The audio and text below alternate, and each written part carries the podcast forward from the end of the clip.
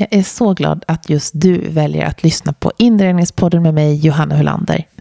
Gillar du den här podden så dela den gärna till vänner och bekanta så att ännu fler hittar just hit. Alla avsnitt hittar du samlat på inredningspodden.com. Och där kan du välja att lyssna via Podcaster, Spotify eller Acast beroende på vilken telefon eller enhet du lyssnar från. Där kan du också välja att lämna din mejladress så att du varje månad får ett nyhetsbrev som innehåller lite olika nyheter. Vi finns också på Instagram och där heter vi inrednings podden. Varje vecka släpps en film med varje gäst. Och de kan du också se på Youtube där vi finns under Inredningspodden med Johanna Hulander.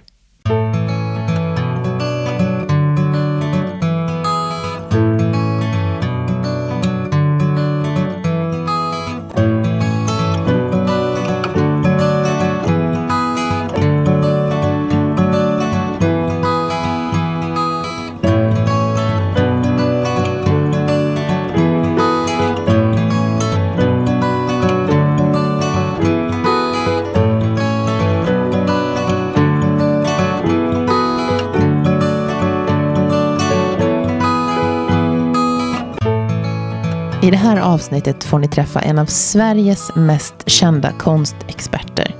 Han är tillika gallerist, samlare och även en av konstexperterna i Antikrundan. Han har en röst som gör att man gärna kan lyssna timme efter timme när han pratar om det ämne han brinner för. När han pluggade på universitetet så köpte han sin första tavla av en konstnär som heter Acke. Men egentligen skulle han ha köpt en hårblås till sin mamma. Välkommen till Inredningspodden, Claes Måser. Tack så mycket. Eh, du är konstexpert, skulpturexpert, samlare, gallerist och har jag missat något? Nej, ja, expert är ju sådär pretentiöst ord tycker jag. Att vara expert innebär att man hittar nya trådar att dra i egentligen hela tiden. Man blir aldrig expert. Man är mer eller mindre road och mer eller mindre kunnig. Ja, men om man har sett dig i Antikrundan så har man ju tänkt, så tänker man ju på dig som expert. Ja, kanske. Kanske. Ja. Och just nu sitter vi i ert hem som är ett, ett helt fantastiskt hem där du samlar, kan man ju verkligen säga. Var, var sitter vi någonstans? Nej, men det, alltså normalt sett om man köper ett hem, ett hus, ett boende och så visar det sig att där har faktiskt en känd person bott, en konstnär eller författare eller sångare eller vad det nu är. Eh, och då köper man hemmet och så vill man ju ha någonting som påminner en om den där personen som har skapat det där hemmet. Men jag började, vi började precis tvärtom. Jag började med att samla en konstnär som heter Jag Acke. Så jag hade, har 150 verk av honom. Men plötsligt lyckades jag köpa hans villa, Villa Akleja. Så att jag har börjat motsatt eh, väg. Jag har börjat med alla prylar och sen blev hemmet till salu. Och det började med att du, den första tavla du köpte som, som eh, samlare var just från Jag Acke. Helt ovetande. Utan det är det jag tycker så man ska göra. Att man ska använda sina ögon och hjärta när man köper någonting som man ska ha hemma. Och i mitt fall så köpte jag en tavla som jag tyckte vansinnigt mycket om. Jag kunde inte tala om varför jag tyckte om den. Jag visste inte vem som hade gjort den för den var inte signerad. Och så småningom genom att leka deckare så lyckades jag ta reda på att det var konstnären Jag Acke. Då får man ju också en annan eh, inställning till ett konstnärskap. Och moroten blir väldigt stark att ta reda på mer. Och, och, och, det har jag ju odlat i hela mitt liv egentligen. Det här gillandet av konstnären Jag Acke. Men när du köpte, du skulle ju egentligen köpa en hårblås. Ja, mamma fyllde år och hon ville ha en hårblås. Och jag satt och väntade på en aktion att den där hårblåsen skulle komma. Och så höll de upp en tavla under mellantiden. Och jag bara tyckte wow vilken målning. Jag målade lite grann själv. Så att jag såg att det där, det är inte helt enkelt att, göra på det viset. Så att jag föll och jag tog eh, lite grann av mitt studielån. Eller mycket grann av mitt studielån och la på den där tavlan. Och, och sen fick jag ju väldigt mycket ovett för att jag hade gjort på det viset. Men jag fick en hårblås också. Ja, du fick den också. Ja, ja vilken den, tur. Men den eh, var en historia för sig, för det var inte vilken hårblås som helst. utan Man hade lagt ner Stockholms äldsta damfrisering. Och där sålde man ut utrustningen och det var ett gjutjärnsmonster som var två och en halv meter högt. Och vägde tror jag 150 kilo som man sålde. Jag hade ju inte sett den där på visningen. Så jag trodde att det var någonting man la i, i handväskan. Så att jag köpte den där och när jag skulle hämta ut den, då säger de till mig, är du ensam lille vän som ska hämta det du har ropat in på varuutlämningen? Ja, så jag tänkte fortfarande att den där var ju liten, den kan jag ju ta i handen. Och sen kom de utrullandes med den här gjutjärnsgrejen och jag tänkte det här kan jag ju bara inte ta till mamma, hon kommer ju bli fullständigt galen. Och hon hade inte önskat sig den här? Nej, och jag trodde att det bara fanns en sorts sådana här hårblåsare. Så att det var bara att baxa in den i bilen och sen köra ut den och skrota den direkt. Och sen gick jag in i en vanlig elaffär och köpte en ny hårblås. Nej men oj, ja men så hon fick en annan i alla fall. Men du vet, jag lärde mig någonting då. Att man ska alltid gå på visningarna och titta om man nu ska köpa någonting på en auktion. Och i synnerhet hem. Den där var ju fullständigt otänkbar att ha i ett hem. Hade jag sett den på visningen hade jag ju aldrig kommit på idén ens att köpa den. Nej. Och idag är väl det så att, att gå på visning idag är väl inte så vanligt, för man köper ju så mycket på nätauktion. Nej, men det, då fanns ju inte nätet på det viset. Nej. Men idag är det ju en baggis. Ja. Så att det, det är en helt annan värld. Mm. Men det var en erfarenhet och jag lärde mig att fördelen med att gå ut i second hand-marknaderna det är ju att man ändå får känna och dofta på sakerna och hålla i dem. Och, och Eh, bilder är bra till en viss del, va? Men, men, att få in det där i huvudet, kommer det här att passa? Då är det viktigt att ha känt och hållit sitt föremål tycker jag. Mm. Få en annan inställning till det. Så att köpa konst på nätet tycker du känns lite... Ja, det fordrar nog att man är rätt kunnig. Eh, ändå. För att det, det finns många falluckor i, i digitala bilder. Alltså du kan ju laga en reva i duken på en målning så att det inte syns. Och när du sen går hem med den där tavlan så plötsligt upptäcker du att den är inte i perfekt skick som den verkade vara. Då är det inte lika kul.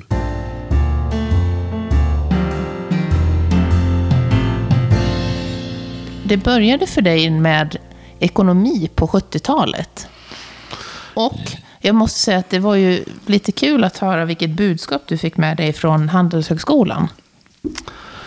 Ja, eh, jag hade ju tänkt mig att jag skulle i lugn och ro bli någonting konstnärligt. Och jag var rätt duktig som silversmedslärling. Eh, och familjens bästa vän var en av våra mest kända silversmeder som hette Sven-Arne Gillgren. Han sa till min pappa att Claes borde nog bli silversmed. Och pappa sa aldrig i livet. Han kan aldrig försörja sig på det.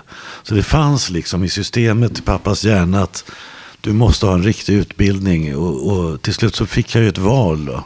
För din pappa var samlare? Pappa samlade konst och, och mattor och silver. Och, och, när jag sen säger till pappa att eh, nu har jag köpt min första målning och jag är så taggad av den så att jag funderar på om jag inte ska ägna mig åt konsthandel för att kunna köpa fler tavlor av den här konstnären jag, Acke. Då såg jag ju bara hur pappa mörknade i ansiktet och sa aldrig i livet, men du får två fria val, sa han. Och du får välja mellan att gå på Handelshögskolan eller på teknis. Och för mig som hade ärvt min mammas mattesinne så var det ju en katastrof, bägge de där scenarierna. Mm. Och jag var världens konstigaste, jag blev ju till slut civilekonom, men eh, någonting som jag utnyttjade friskt på Handels, det var att man kunde blanda och det var inte tvunget att läsa vissa ämnen, utan man kunde koppla ihop med jag läste mycket beteendevetenskapliga ämnen medan alla andra satt och läste eh, revisorskunskaper så valde jag ekonomisk historia och sånt där. Och, ja, det är en väldigt konstig examen men jag fick den i alla fall till slut. Och sen blev jag fri efter det. Ja, och vad var det han hade sagt till dig när du skulle få, när du fick din ja, examen? Nej, men jag tänkte ju att det gäller nog, när man, så fort jag var inskriven där, tänkte jag att bland alla de här stjärnämnena så väger jag ju ganska lätt. Så att jag såg ju mera Handelshögskolan som en snabb exit. Att det gällde att komma ur det här så fort som möjligt utan examen. Och det fanns ett ämne där som hette kostnad intäktsanalys som bara var formler och matte. Och tänkte jag där, där, ska, där är ju min utgång. Och där fick man eh, tre försök. Och klarade man inte tentorna tre gånger, eh, på tre gånger så fick man inte vara kvar i skolan. Och jag passade, passerade ju de där tre gångerna men fick plötsligt ett fjärde försök serverat på silverfat. Och det undrade jag ju varför det var nödvändigt. Men då körde jag en fjärde gång. Men det femte försöket jag fick, det var ju också muntligt. Och då förstod jag ju att det där hade jag fått på basis av eh, att det fanns någon slags vänskap mellan pappa och skolledningen där. Och Aha. Antagligen var det så. För, men eh, icke desto mindre så säger min lärare då, när jag har gjort det femte försöket att Okej, okay, du ska få din civilekonomexamen för du har ju ändå lagt så mycket, otroligt mycket tid på det här ämnet kontra vad alla andra har gjort. Så att förmodligen kan du det rätt hyggligt. Men ett ord på vägen i din framtida yrkesroll är bevare svenskt näringsliv för dig som civilekonom. Och det var min exit. ja, och vad sa din pappa när du berättade? Eh, jag vet inte ens om jag berättade det för honom. För det fanns ytterligare ett hinder. Det var att komma ifrån min pappas eh, egna företag där jag skulle in och överta. Min, min pappa klädde Svenska kyrkan med kläder. Konfirmandkåpor och prästskrudar. Och jag kunde inte tänka mig något hopplösare än att leva i den världen. Och jag tänkte, hur ska jag komma ur den då? Jo, jag då utnyttjade jag ju min civilekonomexamen. Så jag sa till pappa att nu är jag ju alldeles nyutbildad expert på ekonomi och jag tycker att vi ska bygga om din firma från botten och modernisera den helt. Och det fanns absolut ingen anledning att göra någonting för den där firman gick jättebra. Men pappa han blev ju högröd som en tomat i ansiktet och sa där är dörren Claes ut och gör vad fan du vill men inte här. Så då kom jag ut i, i min värld och där har jag stannat kvar sedan dess. Och då kände jag att det var rätt skönt att få en sån exit. Ah, och då startade du galleri? Då startade jag egentligen en liten antikaffär med konstinslag. Och jag ville egentligen ha mer konst än antikinslag. Och sen mödosamt så Eh, blev det mer och mer konst och sen slutade jag med det som inte var konst och sen har det bara varit konst för mig. Mm. Under så, så, många år? Ja, det är ju 40 sen, år nu då. Ja, usch ja. Det är ja. det. Men då har man ju faktiskt förtjänat ordet eh, expert.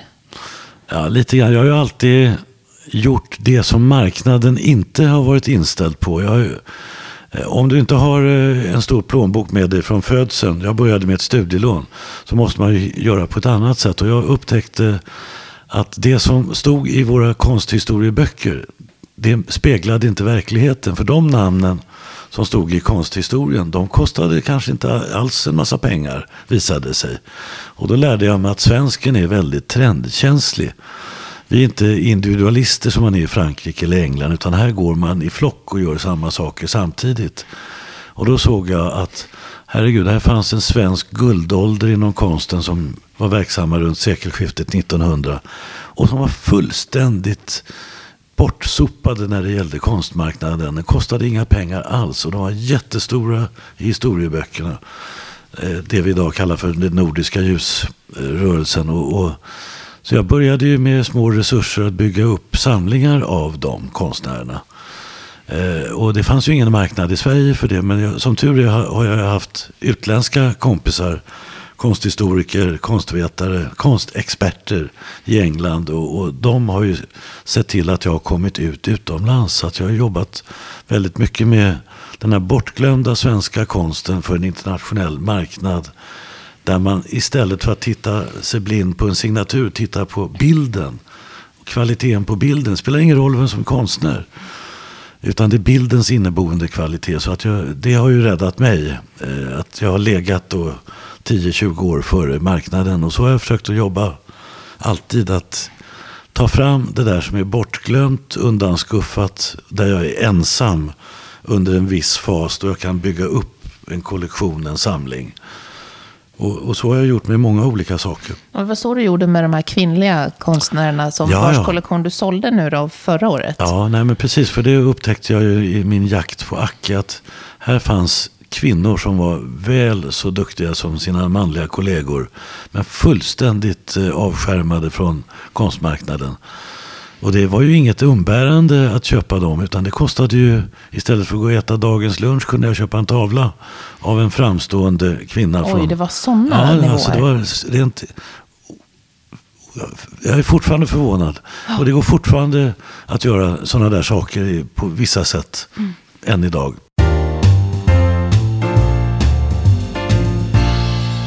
Och sen hittade du också Eugen Jansson på Ja, ja, ett visst. lite slumpartat Ja, sätt. ja nej, men det var ju... Och att Eugen Jansson tillhör ju en av de största upptäckterna för en utlandsmarknad som tittar på den nordiska konsten. Och Eugen Jansson, det sa man, mörkt, ultramarinblått och tråkigt. Gå till kolsäckskillen Claes Måse, han köper, han betalar kanske 2000 kronor per styck för en Eugen Jansson eller en Jag Acke eller något annat svart. Och det var jag ju helt ensam om att tycka. Så att jag byggde ju under många år då eh, en, en stor samling av det här nordiska ljuset. Som jag visade utomlands innan museivärlden var inne och, och jobbade med den. Eh, och jag skrev, gjorde en utställning i New York 1980-talets början. Och den skrev jag, det var ett väldigt akademiskt galleri. Så jag skrev en, en maffig bokkatalog. Eh, Och tittar jag på nätet nu så används den som referenslitteratur ute i de stora museerna ute i den stora världen. Eh, Och det känns ju skoj. Ah. Och du måste berätta historien om hur du hittade hela... Hur många verk var du hittade av Eugen Jansson? Nej, men mitt intresse för Acke gjorde att eh, Acke-släkten släkten bad mig om hjälp att hjälpa en stackars Eh, övergiven kvinna i en Stockholmsförort som hade ärvt en rulle tavlor som hon tyckte så intensivt illa om för att allting var målat av blåmålaren Eugen Jansson.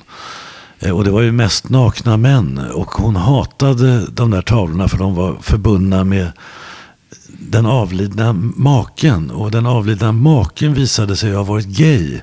Eller både och och hade haft ett förhållande med Eugen Janssons bror. Nu kanske det blir rörigt. Oj. Men hon såg ju då eh, mannen som någonting hon inte kunde konvertera till att gilla henne igen. Och dessutom hade ju Karsloken ärvt alla de här målningarna. Så hon i ilskan hade rullat ihop dem där extra hårt och tryckt in dem i ett garage i Bromma. Där hade de legat i köldförvaring i massor med år. Så jag kom ju som Sankt Göran dit eh, och eh, fick ju mer eller mindre de här målningarna. Betalade väl någon liten slant. Och sen började jag försöka marknadsföra de här i Sverige och det var ju fullständigt otänkbart. Det var ju bara hånskratt och jämmer och elände tyckte man att det var. Så att jag var ju återigen beroende av min gode vän, den engelska konsthistorikern som lotsade in mig i, i utlandsmiljöer och utställningsmöjligheter. Och, och idag är ju Eugen Jansson den största upptäckten för en amerikansk publik som tittar på Northern Light som man kallar det för. Det, det är ju plötsligt eh, hårdvaluta. Ja, och vad hände med alla dina, de verken? Jag, jag gjorde en utställning på ett galleri i London och skrev en eh, liten bok till det där. Och eh, eftersom Stockholmsmarknaden, Sverigemarknaden inte fanns så var jag tvungen att göra det. Och det var ju ingen som bemödade sig om att recensera min, mina utställningsförsök i Sverige. Men när jag kom till London så kom, får man väl säga, världens genom tiderna främsta konstrecensent Sören Melicken och skrev ett helt uppslag om den här utställningen i The Sunday Times. Och Sören Melikian är, är än igång, idag igång som konstskribent och en otroligt kunnig person. Och det gjorde ju att den här utställningen fick ett stort fokus och genomslag internationellt. Och, och många av samtidens största konstnärer, bland annat Francis Bacon, kom till den här utställningen. Och Francis Bacon, han upplevde sig se en spegelbild av sig själv i de här målningarna av Jansson. Och han såg ju att här är en svensk konstnär som målar ungefär på samma sätt som jag. Men den svensken, han är ju 80 år före mig. Så att det här tog ju honom väldigt, väldigt hårt. Och sen så blev det ju så att eh, de utländska museerna absorberade de här målningarna en efter en. Men jag var ju ute ur bilden då för att jag var ju inställd på de svenska priserna och förutsättningarna så att jag sålde nästan allt jag hade då av Jansson. Men idag kan jag ju se hur de hittar in i, i eh, världskonstens största museibyggnader en efter en. Eh, och nu är det ju några extra nollor i priset. Ja. Det kostar ju en sån här mål flera miljoner kronor styck. Idag. Blir du bitter när du ser eh, såna här, när du känner att ah, attans, där sålde jag för det priset och nu idag betingar de miljonbelopp? Nej, jag blir inte bitter. Jag kan väl konstatera att man har ägt saker som har varit fantastiska. Men man har, om man nu ger sig i kast med att vara handlande i konst så måste man lära sig att skilja sig från saker. Även om jag sålde de här Eugen Jansson tidigt och eh, till dåtidens låga priser så gav det mig ändå möjligheter att köpa fler målningar av Acke. Och de har jag ju aldrig sålt utan jag har ju behållit Acke. Så att eh, det man tar igen på gungan eh, kanske är resultat av det man förlorade på karusellerna någonstans. Mm. Men sen är det ju väldigt skoj att se att man kanske har varit rätt ute med många konstnärskap. Jag har ju haft förmånen att jobba mycket med finsk konst med Helene Skärbeck. Eh, och när Sanna, min fru och jag går och tittar på utställningar i Finland på deras nationalmuseum Ateneum så kan jag ju säga till Sanna, den har jag ägt, den har jag ägt, den har jag ägt. Och det är samma sak där, att man har ändå fått förtroendet att hantera de där sakerna på, under en tid då kanske inte så många andra var roade av det. Och då har man ju fungerat som någon slags väckarklocka. Det är också en bra belöning tycker jag. Att visa att man ändå har rätt. Men de här, är det 150 verk du har av Acke nu ungefär? Acke är 150 verk. Eh, de kommer du inte att, de kommer du inte att sälja? Nej, för det är ju hela idén det här med att återföra Ackes målningar till Villa Akleja. Det enda jag kan känna oro för det är vad händer sen då när man inte är kvar här på jorden. Vad tycker barn och så vidare. Och barnbarn. Och, och, för det har jag ju sett många sådana exempel på där någon galen samlare har förstört livet för många i familjen. Så att när han äntligen går bort så kastar barnen ut allting på olika marknader. Eh, så att här har vi nu visat att det går faktiskt för en gångs skull att få avkastning på ett samlande i form av att man visar Villa Kleja med konstsamlingar för grupper. Så det är en intäktsmöjlighet och en affärsmöjlighet som jag tycker att man kan tänka till några gånger extra kring. Mm, där har ju ni någonting helt unikt i Sverige, att ni öppnar upp ert hem. Ja, och det gör man ju vanligen utomlands. I, i England, i Finland, i Frankrike så är privatmuseer någonting som inte är ovanligt. Men i Sverige så förknippar man ju museer med statlig museiverksamhet kanske. Eller något hembygdsmuseum som någon liten förening driver. Men det här är eh, Eh, en annan grej. Och jag tror att det, vi har ju inte haft några marknadsföringsförsök. Utan allting går via att vi har haft kanske tv här, vi har haft media här. Eh, och sen går det mun mot mun och sprids. Så att vi, vi får ju busslaster som kommer i stort sett varenda dag under vår säsong. Jag hade ju nöjet att sitta med här när du, höll, och du och Sanna höll en presentation. Och det liksom riktigt lyser ju från er båda när ni pratar om de här verken och Ackeverken, framförallt från dig då. Vad är liksom fascinationen för Acke, för de som inte känner till honom som konstnär? Ja, men jag tror att det, Acke är en befriande annorlunda själ som absolut går sin egen väg. Och glad att gå sin egen väg. Och jag tycker att det är värt respekt att någon vågar i vår gråa massa sticka ut och göra krumsprång som inga andra gör. Och därigenom bana väg för andra människor. Och det är det jag tycker är så viktigt att våga hitta sin egen grej. Och, oavsett vad konsekvenserna blir. Och som konstnär att ha det mottot att en får se hur det går. Men varje dag ska jag prova mina vingar. Och jag ska utvecklas. Att flytta ribban hela tiden upp. Oavsett från vilken nivå så tycker jag det är hedervärt. Och det, så har jag sett min, min lilla bana också. Att jag vill hela tiden ha någon slags mål och flytta ribban. Hitta ytterligare bortglömda saker eller för, grejer och, och, jobba efter de principerna. För det, det handlar inte om, om att, att tjäna mest pengar utan det handlar om att nå de där målen och, och lära sig någonting under den där resan.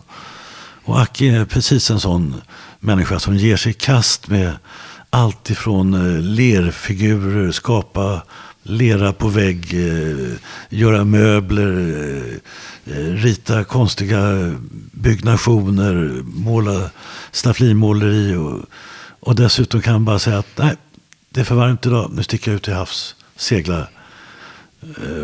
Alltså konstnärsskäl och icke vara tyngd över att man måste göra efter vissa planer utan man kan göra i sin egen takt. Mm. Lite inspiration i sättet att leva. Ja, mm. det tror jag är väldigt bra att ha eh, för att få adrenalinkickarna mm. i rätt fas.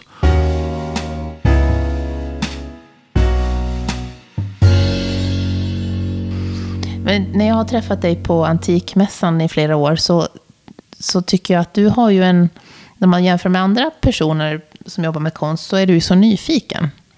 Du tycker ju om, du har ju en bred smak ändå på också. Att du kan titta på eh, de här, vad ska man säga, mer okända korten där. Ja, Som nu hade du med en konstnär, vad var det du hade med för typ som kostade 2000 kronor styck och som oljemålningar. Lars Norman, ja, en konstnär. Jo, men alltså, generellt så tycker jag att eh, det är inget som hindrar att man eh, blandar kontraster från olika tidsperioder. Oavsett om det är på vägg eller möbler. Vi här har ju som princip att vi ska ha olika stolar vi sitter i runt ett bord. Bara för att det ska representera olika typer av gäster som har funnits i det här huset. Vi sa i Ackes ateljé där vi använder som vardagsrum, där ska vi inte ha någon soffa. Utan det ska vara konversationen som styr. Och likaså att ha tavlor från olika tidsperioder som ser olika ut. Eh, alltifrån 1700-tal fram till idag. Det har vi inte här på Akleja, men vi bor ju i stan också. Och där har vi en våldsam blandning av mera modern konst, men väldigt aparta olika saker som vi föser ihop.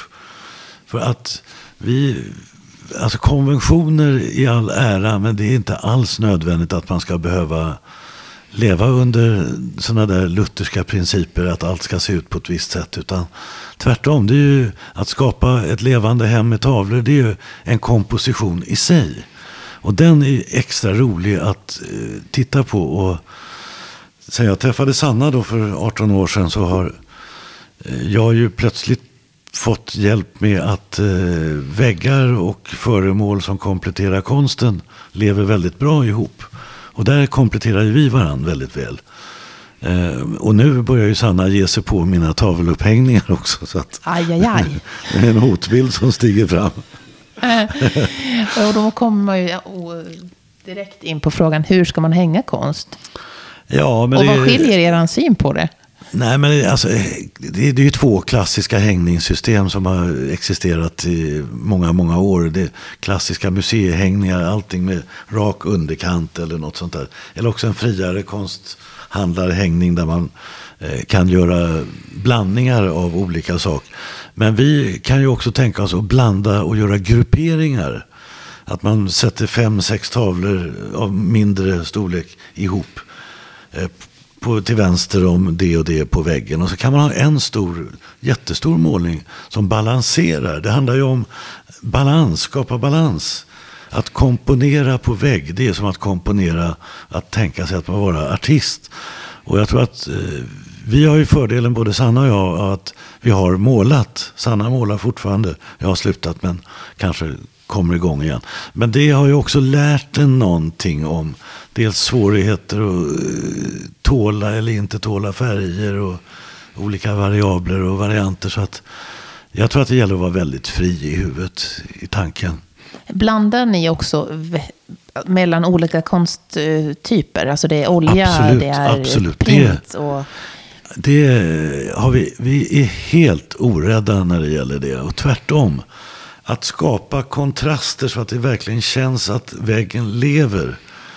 Det gör man genom att blanda en etsning med en oljemålning eller en gipsmask till exempel. Du får ju utstickande saker eh, istället för allting bara blir en lång harmoni. Jag menar, livet är inte någon harmoni och många kan ju inte tänka sig att ha någonting som är lite jobbigt att titta på på vägg. Det svenska idealhemmet ska ju vara Carl Larssons hemma eh, hos interiör. Vi ser ju mer som man kanske gör utomlands. Att jämmer, ångest och elände har varit en del av många människors tillvaro. De är uppvuxna vid det. Medan vi svenskar har väldigt svårt för det. Men jag har inget problem med att blanda in ångest. Tvärtom. Jag tycker att målsättningen med en bild på en vägg är att den ska tala till en hela tiden. Den ska inte vara klar. För då kan man lika gärna byta ut den. Det ska finnas en dialog där. Jag vet att många undrar det, många som lyssnar, att vad ska jag tänka på? Jag, idag vill man ju inte ha pengar på banken. Man säger de här sparpengarna som jag mm. vill investera i någonting. Eh, jag, finns det någonting som säger att men, foto, fotokonst idag håller inte lika länge eller porträttmåleri kommer stort? Eller finns det någonting sådana där tips som du skulle kunna dela med dig av?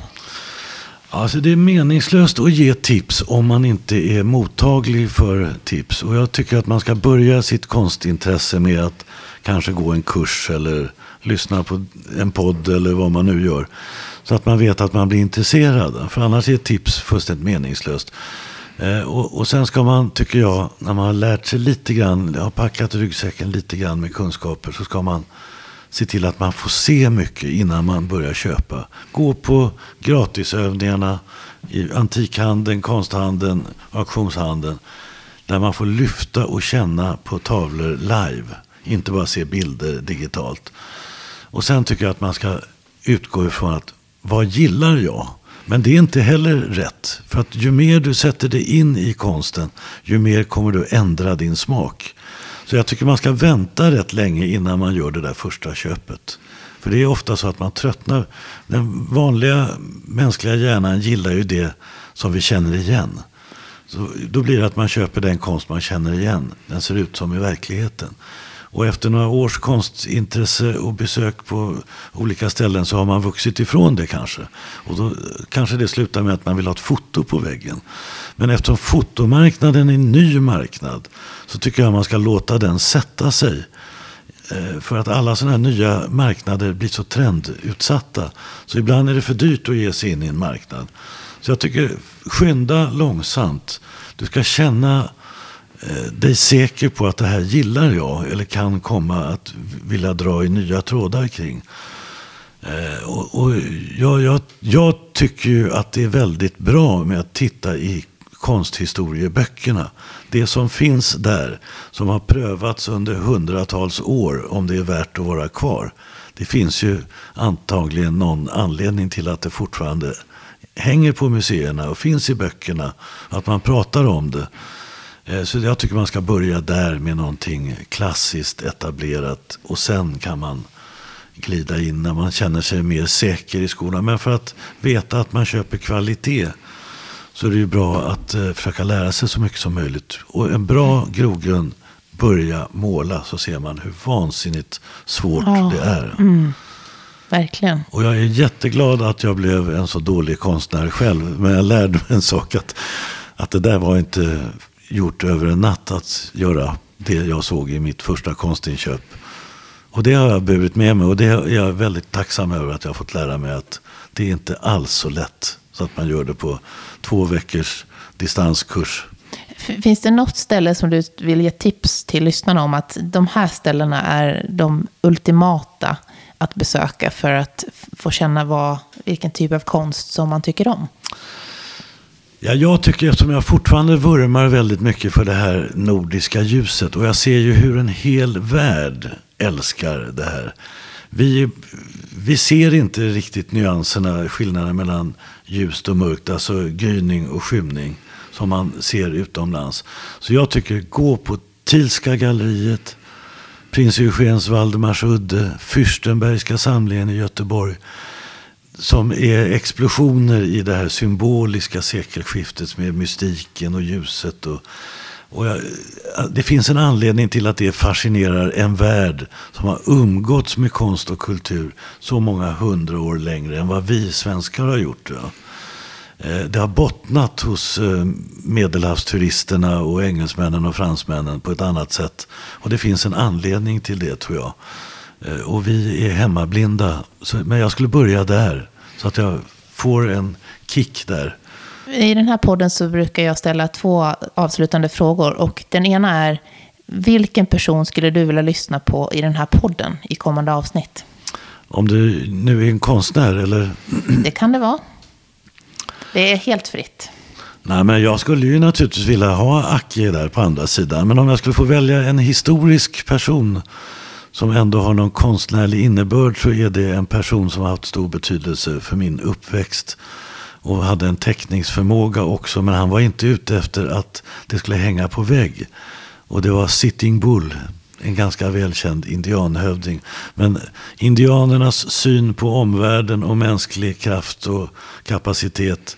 Det finns teckningar av Sitting Bull där han så att säga visar de indianska värdesystemen som är fantastiska. Eh, och han, hans avsikt var inte att man skulle hänga dem där på vägg utan det var för att lära medmänniskor att vårda den jord vi besitter eller tror oss besitta. Och hur kommer man i kontakt med dig om man vill veta mer och träffa dig? Ja, jag finns ju rikligt på nätet. Jag har ju ett litet galleri på Karlaplan och, och, och mejl finns på nätet. Så att är, jag får ju massor med mejl med folk som undrar inte bara vad saker och ting är värda utan just den där frågan att vad ska man köpa och varför och sådär. Mm. Så att eh, i den mån jag, jag kan försöka hjälpa till. Och framförallt har jag ju många utländska doktorander som vill ha hjälp. Som skriver om skandinaviskt sekelskifte. Och de har lyckats hitta min adress någonstans. Att, och det känns ju, då, då hittar man dig lätt. Då är det skoj, då hittar man mig lätt. Ja, Tusen tack Claes Måser. Tack själv.